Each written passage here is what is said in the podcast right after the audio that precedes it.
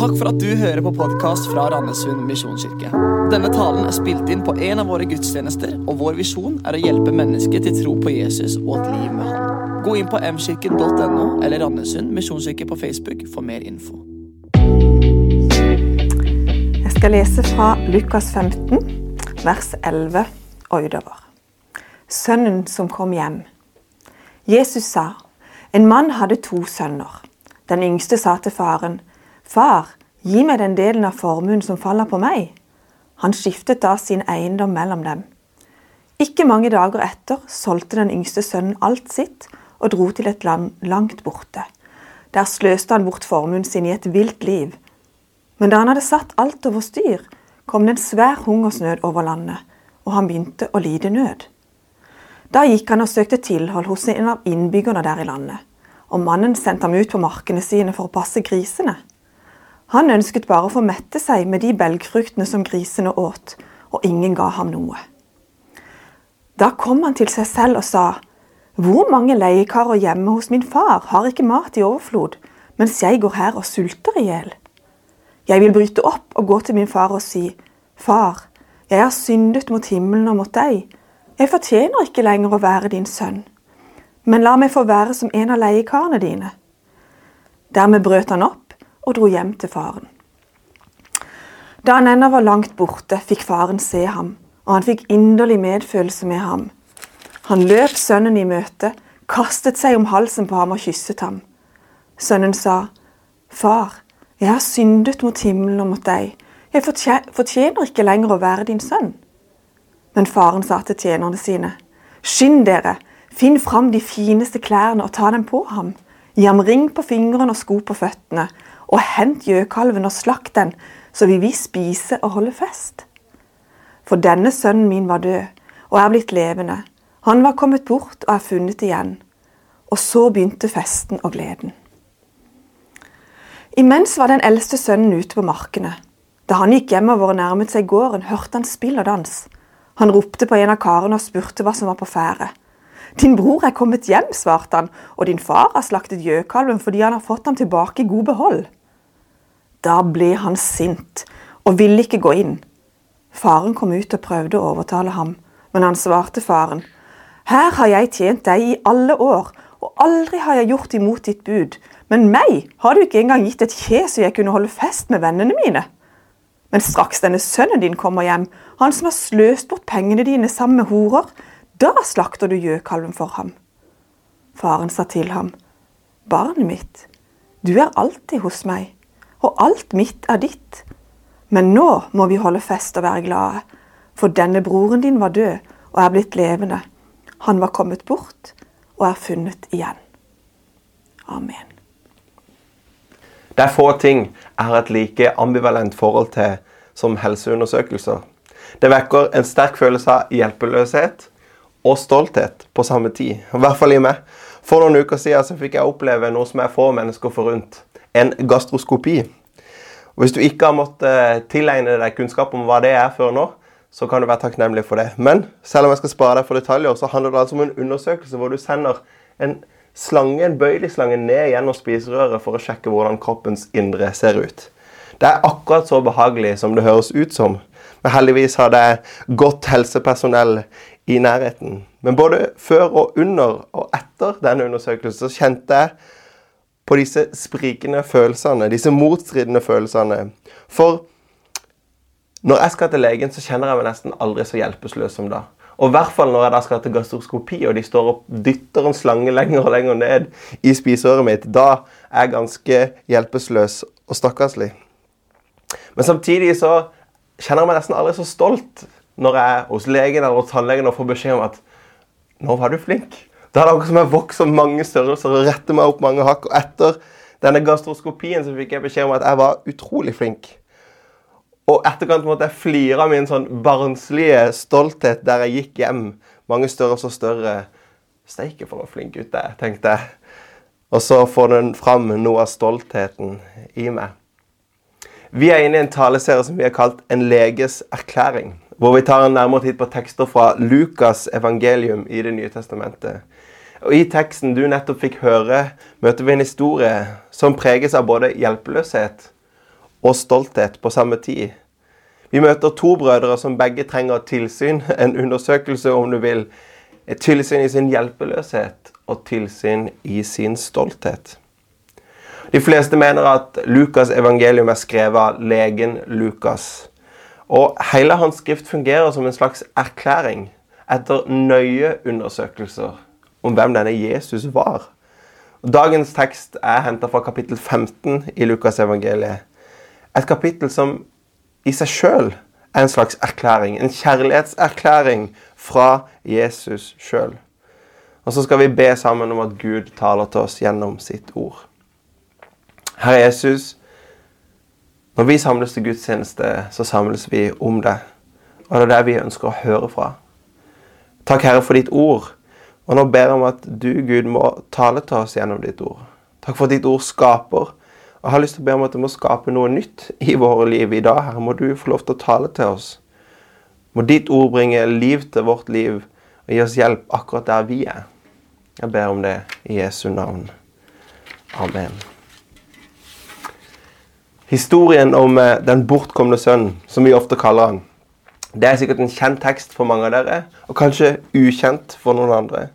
Men uansett hvilket forhold du har til historien fra før, så har jeg lyst til å si prøv å være med i de neste minuttene nå når vi skal se på denne teksten. For det dukker garantert opp noe som du ikke hadde forventa på forhånd. Noe som kan være viktig, noe som kan være sentralt for deg. I en av sine utleggelser av nettopp denne teksten så sier den kjente forkynneren teologen Tim Keller at her så finnes noe av nøkkelen til et virkelig levende trosliv, et virkelig levende gudsliv. Og jeg er helt enig med han. Denne teksten formidler noe helt sentralt om hvem Jesus er, om evangeliet vi tror på. Og vi må ikke avskrive det ved å tenke at dette er en tekst jeg har hørt før, men være med, så kanskje du får tak i noe av det viktige som Jesus ønsker å si. I denne lignelsen, historien til Jesus, så finner vi tre hovedaktører, egentlig. En lillebror, en storebror og en far. Og vi skal ta for oss disse én og én i jakt på hva Jesus ønsker å si til oss. Den første karakteren vi skal ta for oss, det er lillebror. Og som så mange andre lillebrødre så får også han størstedelen av oppmerksomheten. Her i teksten så hører vi om lillebror som ber far om arven på forskudd. Han selger han og drar til et land langt borte. Den yngste sønnens forespørsel signaliserer jo et en total avvisning av sin familie. Å be om farens arv mens han levde, var én ting. Å selge han for penger, det er enda verre. Og som om det ikke var nok å avvise sin familie, så drar han til et land langt borte fra sitt folk og sin familie. Et totalt oppbrudd for alt. Lukas kapittel 15, hvor denne lignelsen til Jesus finner sted, den innledes med disse ordene her. Alle tollere og syndere holdt seg nær Jesus for å høre ham. Men fariseerne og de skriftlærde murret og sa seg imellom. Denne mannen tar imot syndere og spiser sammen med dem. Da fortalte han dem denne lignelsen. Jesus han anklages av fariseere og de skriftlærde, og hans svar på kritikken det er bl.a. lignelsen om den bortkomne sønn. Og kanskje er det sånn at disse ulike grupperingene, tollerne og synderne, fariseerne og de skriftlærde, det er de vi møter som bakteppe i de karakterene i Jesu historie. Det vil i hvert fall være mulig å anta at tollere og syndere kunne kjenne seg igjen og identifisere seg med lillebror. Den yngste broren. Tolleren og syndere de var jo nettopp de som ikke mestra det åndelige livet. Som ble sett ned på. Som sløste livet bort, som synda med det livet de levde. De levde et utsvevende liv på samme måte som lillebror i fortellinga. Utstøtt, sett ned på. De har som lillebror vendt Gud ryggen i forsøk på å være sin egen frelser, sin egen lykkes med, og så går det som det av og til gjør. Synden er liksom selvdestruerende i seg sjøl og leder yngstebror i en dårlig livsretning. Og så var det moro så lenge det varte, så lenge pengene varte. Men når de tok slutt, så tok lykken slutt, så tok vennskapene slutt. Og så ender lillebror opp på et definitivt bunnpunkt. I sin desperasjon finner han arbeid hos en grisebonde og spiser grisenes mat. For jøder var det ikke engang tillatt å spise gris, men nå spiser han altså grisenes mat. Og På dette tidspunktet i historien så ser jeg for meg at fariserene de godter seg og tenker nå skal Jesus endelig irettesette og dømme disse syndere og tollere. Men Jesus han ser litt annerledes. Fortellinga til Jesus tar en ny vending. Setningen om at denne yngstebroren kom til seg sjøl, markerer et vendepunkt i hans historie. Og fortsettelsen på Jesu historie må ha provosert de skriftlærde noe voldsomt. Denne yngstebroren, lillebror, han lengter hjem etter far. Han minnes fars godhet og endrer livskurs og bestemmer seg for å vende hjem. Livet som egen herre og frelser, det var ikke som forventa. Og på vei hjem så pugger minstebror unnskyldninger overfor far. All pugging får han derimot ikke bruk for, for far kommer løpende i møte. Og sønnen er ikke engang halvveis i sin unnskyldning når han møter fars omfavnelse. Fariseerne de forventa dom, irettesettelse for syndere og tollere som Jesus var med. Og så får de kanskje ikke på den måten de ønska. Men Jesus, istedenfor å dømme, så kaller han hjem. Han kaller de til seg. Kanskje ikke sånn som man hadde forventa. Jesus avviser ikke, han inviterer. Og i det er det jo en slags irettesettelse. Vend hjem. Vend hjem til meg. Men Jesus formidler at hos Gud så trengs det ikke velformulerte unnskyldninger. Men du trenger å vende om. Vende hjem. Det er ingen strafferunder, ingen månedlige avdrag, men du vender hjem og innsettes på ny som sønn. For ti års tid siden så satt jeg som ungdom i bønderommet i Randesund misjonskirke. Og jeg hadde et øyeblikk hvor jeg kom til meg sjøl. Jeg husker det veldig godt. Jeg hadde vært hos far lenge. Jeg hadde levd i hans hus i mange år. Jeg hadde trodd på Gud. Men den siste tida hadde jeg liksom vandra litt av sted. Gjort ting på min måte. Men som den yngste sønnen, yngstebroren som vendte hjem, så opplevde jeg Guds omsorg og Guds tale om å komme tilbake.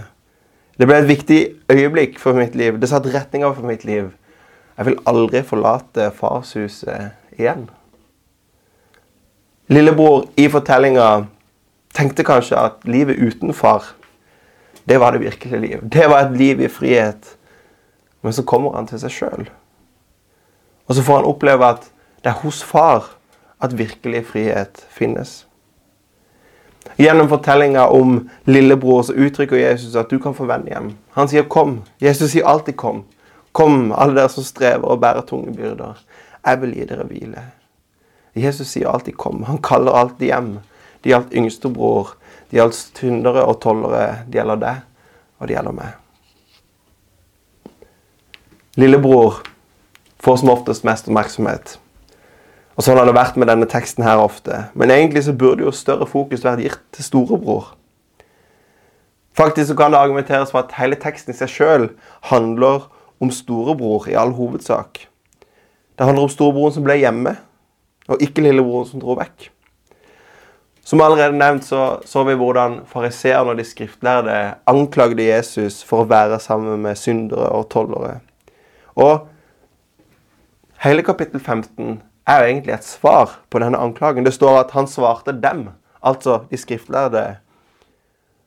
Og etter at synderne og tollerne har fått sin karakter i historien gjennom lillebror, så møter de skriftlærde seg sjøl i storebror. Etter å ha hørt historien om den bortkomne sønnen, så tenker man jo ofte at det er lillebror som har vendt Gud ryggen. Det er han som har vendt vekk, dratt vekk, vendt Gud ryggen. Det er han som i utgangspunktet ligger dårlig an. Men faktum er at begge brødrene i utgangspunktet er fortapt. For begge har vendt Gud ryggen. Festen i Det nye testamentet det er ofte et bilde på selve frelsen. Og her inviteres begge to inn. Inntrengende bes de inn til fest av sin far. Men i motsetning til lillebror så blir storebror stående igjen utenfor festen. Det står at han blir sint når han fikk vite at sønnen var kommet hjem i godt bål. Han ville ikke komme inn til festen, selv om faren ba han innstendig. Og hva er det som egentlig er storebrors problem? Eldstebrorens hovedproblem det er at han tror han er hos far, men i realiteten har han plassert seg sjøl utenfor. Han ser ut til å ha blanda inn prestasjon og fortjeneste i sin relasjon til far. og Det er helt tydelig å spore gjennom hans kommunikasjon. Han sier her har jeg tjent deg i alle år. og aldri har jeg gjort imot dine bud. Og hva er det han egentlig sier? Han sier hvis det var noen som fortjente en fest, så var det meg. Hvis det var noen som fortjente velsignelse, så var det meg. Det er akkurat som man tenker at Gud eller far skylder han for alle hans gode gjerninger. Nesten som om Gud står i gjeld til han. Og Det kan nesten se ut som eldstebror har latt Gud bli et middel for velsignelse. Både lillebror og storebror var fortapt. Og Tim Keller han sier det veldig presist når han sier det er to måter å være sin egen herre og frelser på. Den ene ved å være veldig dårlig, og den andre ved å være veldig god. Den yngste broren oppfører seg umoralsk og blir sin egen herre, mens eldstebroren oppfører seg eksemplarisk, men oppnår samme resultat. Eldstebroren skjønner det bare ikke sjøl. Han blir derfor stående utenfor og aksepterer ikke invitasjonen til festen. Han lever etter det vi kaller religionens prinsipp, er adlyder. Og derfor kan jeg være akseptert. Men evangeliet, det Jesus forsøker å formidle her, det er helt, helt annerledes. Evangeliet sier at jeg er akseptert. Og derfor kan jeg adlyde. Tim Keller han sier videre at vi kommer ofte til Gud med et rent rulleblad, sånn at han skal tjene oss. Men egentlig så er det jo han som gir oss et rent rulleblad, sånn at vi kan få lov til å tjene han. Jeg kan aldri gjøre meg fortjent til noe som helst. Og når lillebror kommer hjem, så blir storebror rasende. Ikke fordi at det går på rykteløs om at nå kommer denne skammens sønn, skammens bror, hjem. Men for han går det på frelsen løs. Hele hans selvforståelse utfordres. Hans selvbilde er jo bygd opp på sitt gode navn og rykte. Og med det så vil han frelse seg sjøl. I mai 2017 så satt jeg på biblioteket på Ansgar-skolen og jobba med eksamensoppgave som straks skulle leveres inn. Oppgaveteksten til min prekeneksamen var nettopp historien om den bortkomne sønn. Og Jeg satt der og jobba med denne lignelsen med den teksten. Og mens jeg satt og leste i Bibelen og de ulike bibelkommentarene, så gjorde dette med eldstebror et utrolig sterkt inntrykk for meg. Det var akkurat som Gud møtte meg der i biblioteket. og jeg ble faktisk rørt til tårer i biblioteket, hvor det gikk opp for meg at jeg er eldstebroren. Jeg kjenner evangeliet, men allikevel har jeg så lett for å ende opp i storebrors sko. Jeg forsøker å fortjene meg til Guds gunst, hans kjærlighet, gjennom mine åndelige meritter, sånn at jeg på en måte blir min egen frelser, og ikke lar han være det. Og når Gud møtte meg der, så var det akkurat som jeg fikk en invitasjon til på nytt bare La han få lov til å være min frelser, ikke meg sjøl. En invitasjon til å slippe taket og slippe Gud til. Gi han liksom rom og plass. Slippe taket på mitt gode navn og rykte og rene rulleblad som jeg gjerne vil komme med Gud til for å si at han skal velsigne meg. Men heller la evangeliets nåden, forvandle dypet av mitt hjerte. Jeg er akseptert. Jeg er akseptert. Og så kan det få lov til å være grunnlaget for mitt liv. Eldstebroren han har ikke bare misforstått evangeliet og grunnlaget for sin frelse, men han bommer også fullstendig på sitt oppdrag. På Jesu tid så var det en storebrors plikt å holde familien samla. Det lå liksom til hans oppgave. Han skulle jo vært den som dro ut for å møte sin bror. Han skulle jo vært den som dro etter sin bror for å invitere han hjem. Han skulle vært den første som stilte seg i rekken for å ønske han velkommen hjem. Så godt å se deg, sønn. Bror. Han skulle vært der. Så gjør han ikke det. Han holder seg for god for sånt. I stedet så blir han sint fordi han mener bror ikke fortjener det. Også her så er jeg skremmende lik eldstebror. Jeg er redd jeg ligner på han litt for mye. For vi som tror på Jesus, vi som har han som herre i vårt liv, vi har fått et oppdrag om å vitne om vår far, om hans godhet. Vi har fått et oppdrag i å invitere hjem. Invitere hjem til Gud, denne festen som han ønsker å stelle i stand. Men som en eldstebror som jeg så ofte havner ut i, så har jeg også ofte nok med mitt. Og Det er nettopp derfor Apostelens gjerninger 1.8 ofte blir en bønn jeg ber Kom over meg med kraft, Helligånd, så at jeg kan få lov til å være ditt vitne. For som eldstebror så trenger jeg det og trenger din hjelp. Vi er blitt kjent med lillebror og storebror. Men dypest sett så handler jo egentlig denne historien om en far. Jesu lignelse om den bortkomne sønnen burde jo egentlig hatt en annen tittel, f.eks. En kjærlige far. Det ville passa mye bedre, for begge sønnene har et tydelig problem. Men begge problemene har samme løsning. De trenger et møte med far. De trenger å innse hvem far egentlig er. De trenger å minnes hvem han er. Og Det er liten tvil om at far i Jesu lignelse representerer Gud. Og for en beskrivelse av Gud denne historien er. Dette er den Gud, den far, som inviterer oss til fest, som inviterer til frelse. Dette er den Gud, den far, som kler oss i de fineste klær. Og Det symboliserer verdigheten han møter oss med. Han kommer med ringen, som er tilhørigheten. Han kommer med sandaler og kler oss på føttene. Sko som representerer frihet. Den yngste sønnen trodde han var fri uten far, men det er her han finner virkelig frihet. Dette er den far som løper sin hjemvendte sønn i møte. En anstendig mann på denne tida skulle ikke løpe, men far dropper all kontyme i sin kjærlige omfavnelse av sønnen.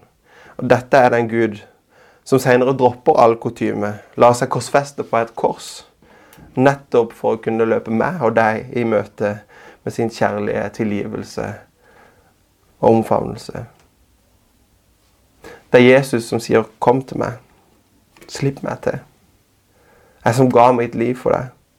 La min kjærlighet få lov til å nå dypet, bunnen av ditt hjerte. La evangeliet være det som er grunnlaget for det livet du lever.